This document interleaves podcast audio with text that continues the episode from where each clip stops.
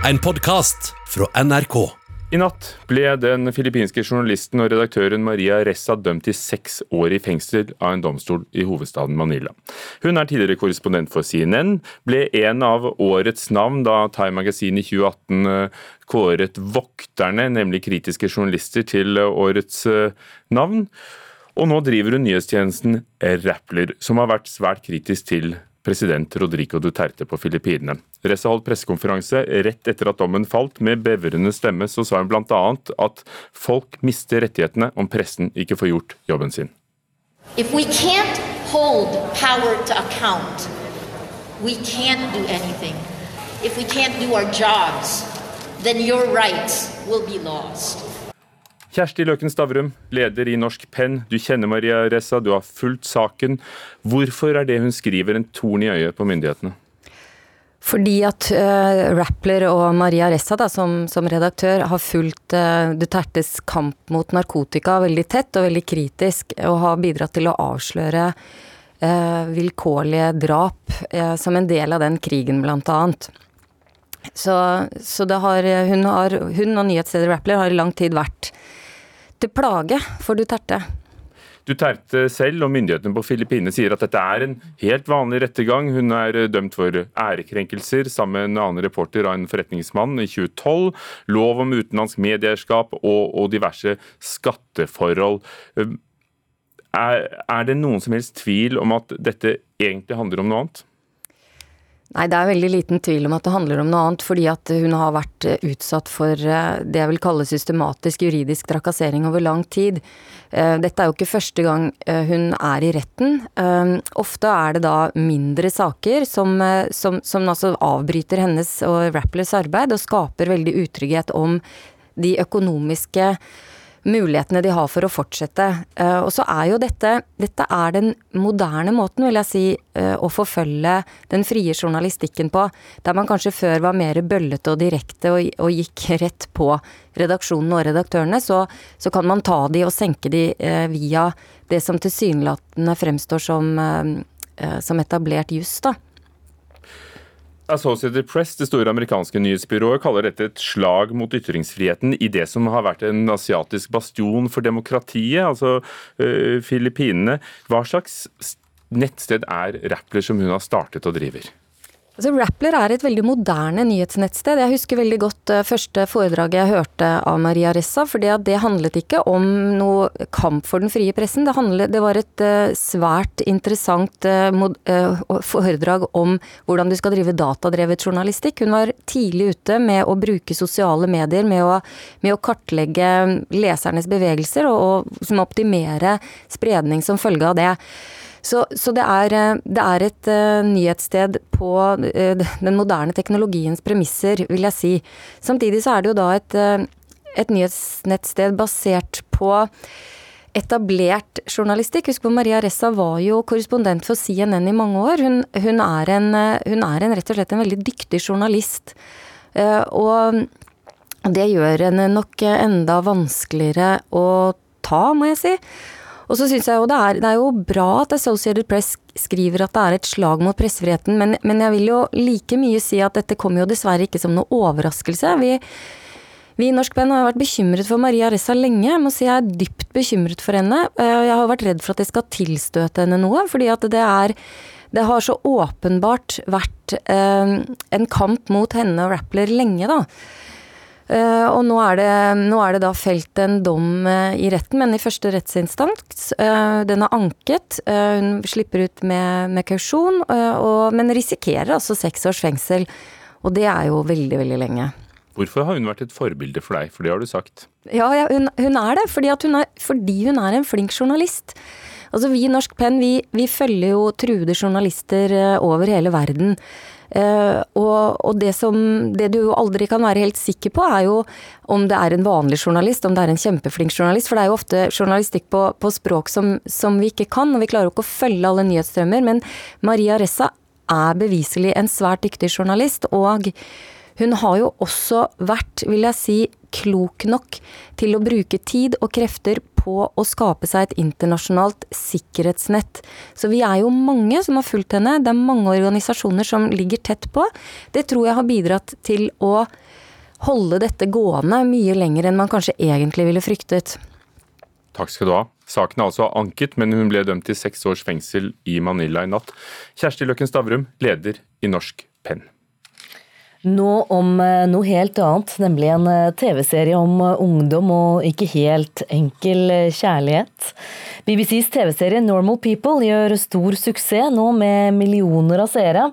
Og fantastiske kritikker. I TV-serien så finner du også en stor norsk artist. I love you. I do. I'm not just saying that, Marianne. I really do. Serien Normal People gjør noe stadig flere filmer og serier gjør. Bruker musikk fra kjente artister for å gjøre serien enda mer attraktiv.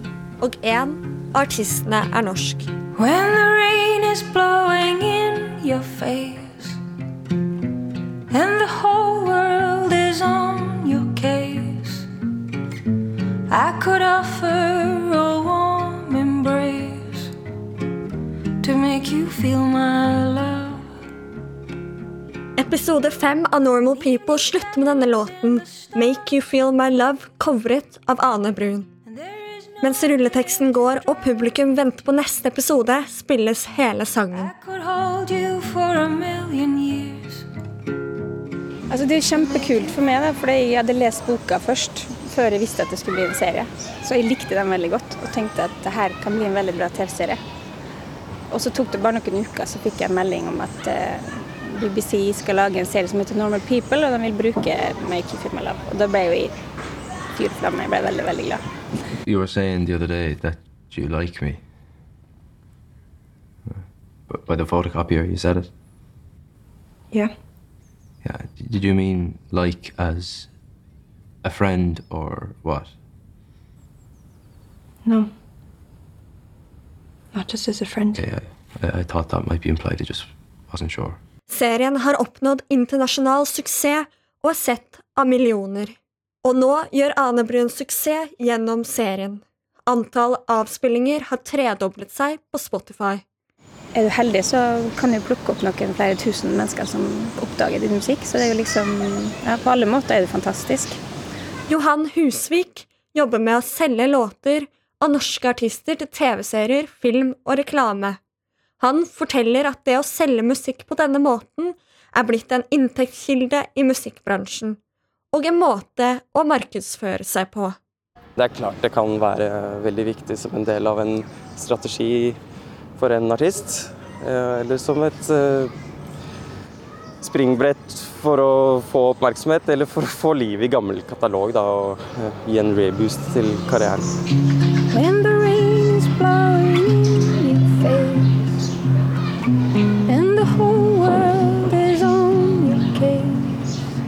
Så mye radiomuligheter lenger. Sant? Så det her er jo en måte å få eksponert musikken sin gjennom TV-seriene. Så for meg, så lenge det er ikke en serie som har et budskap som ikke står for, så syns jeg det er en veldig hyggelig ting. Da.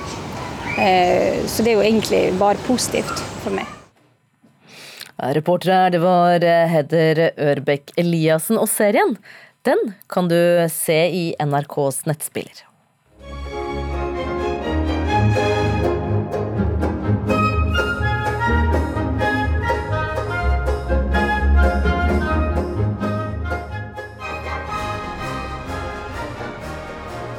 Knapt noen sjanger er mer rasedelt, etnisk delt enn klassisk musikk. Og likevel har afrikansk-amerikanske komponister skapt noe av den mest vitale og bemerkelsesverdige musikken i amerikansk musikkhistorie. Men ikke sjelden er svarte de svarte amerikanske komponistene glemt. Øystein Sandvik, velkommen i studio. Du er vår anmelder av klassisk musikk. Hva er det vi hører her? Dette er musikk av William Grant Still, altså hans første symfoni med tilnavnet African American. Og dette var det første orkesterverket av en svart komponist eh, fremført eh, av et større amerikansk symfoniorkester. Det skjedde i 1931. Og Steele kalles også derfor for nestoren blant afrikanske-amerikanske komponister. Han var den første som også dirigerte et orkester, både i nord- og sørstatene. Den første som fikk en opera fremført ved en større institusjon, og også den første som fikk en opera kringkastet på nasjonalt eh, fjernsyn. Så William Grant Steele var en anerkjent komponist på midten av forrige århundre, for så vidt helt frem til han døde i 78. Og da er han vel veldig kjent og Uh, ofte spilt i dag? Ja, nei, altså I dag er jo hans status temmelig marginal. Da. Han spiller selvfølgelig av og til i USA, og det faktum at vi nå sitter og hører på en innspilling, viser jo at han er ikke helt borte. Uh, men William Grant Steele tilhører en slags begravd historie innenfor den amerikanske klassiske musikken, som er verdt å grave opp igjen, så å si. Altså Disse komponistene som altså denne tradisjonen fortjener å trekkes frem i lyset. Og Det vi snakker om her, er eh, afrikanske-amerikanske komponister som skapte en slags sånn særegen hybrid da, av svarte musikktradisjoner og den hvite, vestlige klassiske musikken. Og så et nytt eksempel.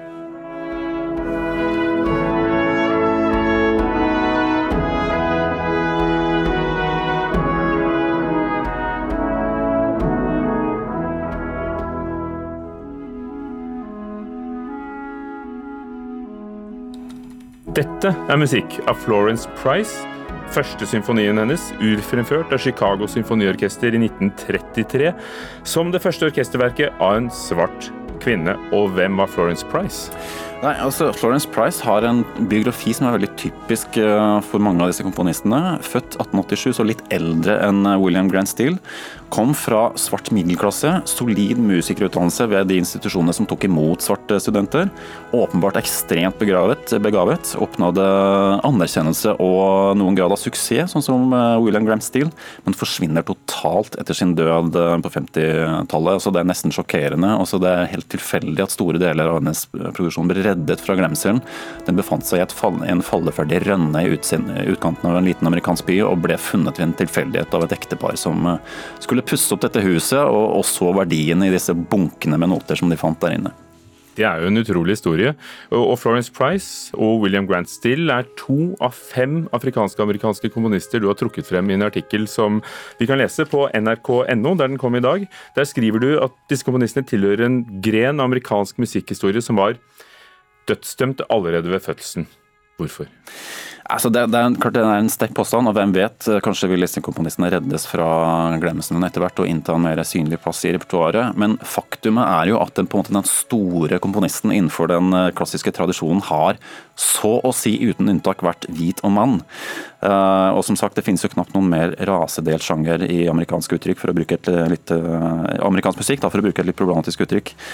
Men desto mer imponerende er det jo hva disse svarte komponistene oppnådde allerede tidlig på 1900-tallet, altså 1920-30-tallet. Suksess og anerkjennelse innenfor de mest kritthvite og konservative institusjoner du finner i det amerikanske musikkfeltet. Og det er kanskje også noe av akilleshæren her, at de er så, eh, så å si for svart for de hvite og for hvit eh, for de svarte. Du har hørt en podkast fra NRK. Hør flere podkaster og din favorittkanal i appen NRK Radio.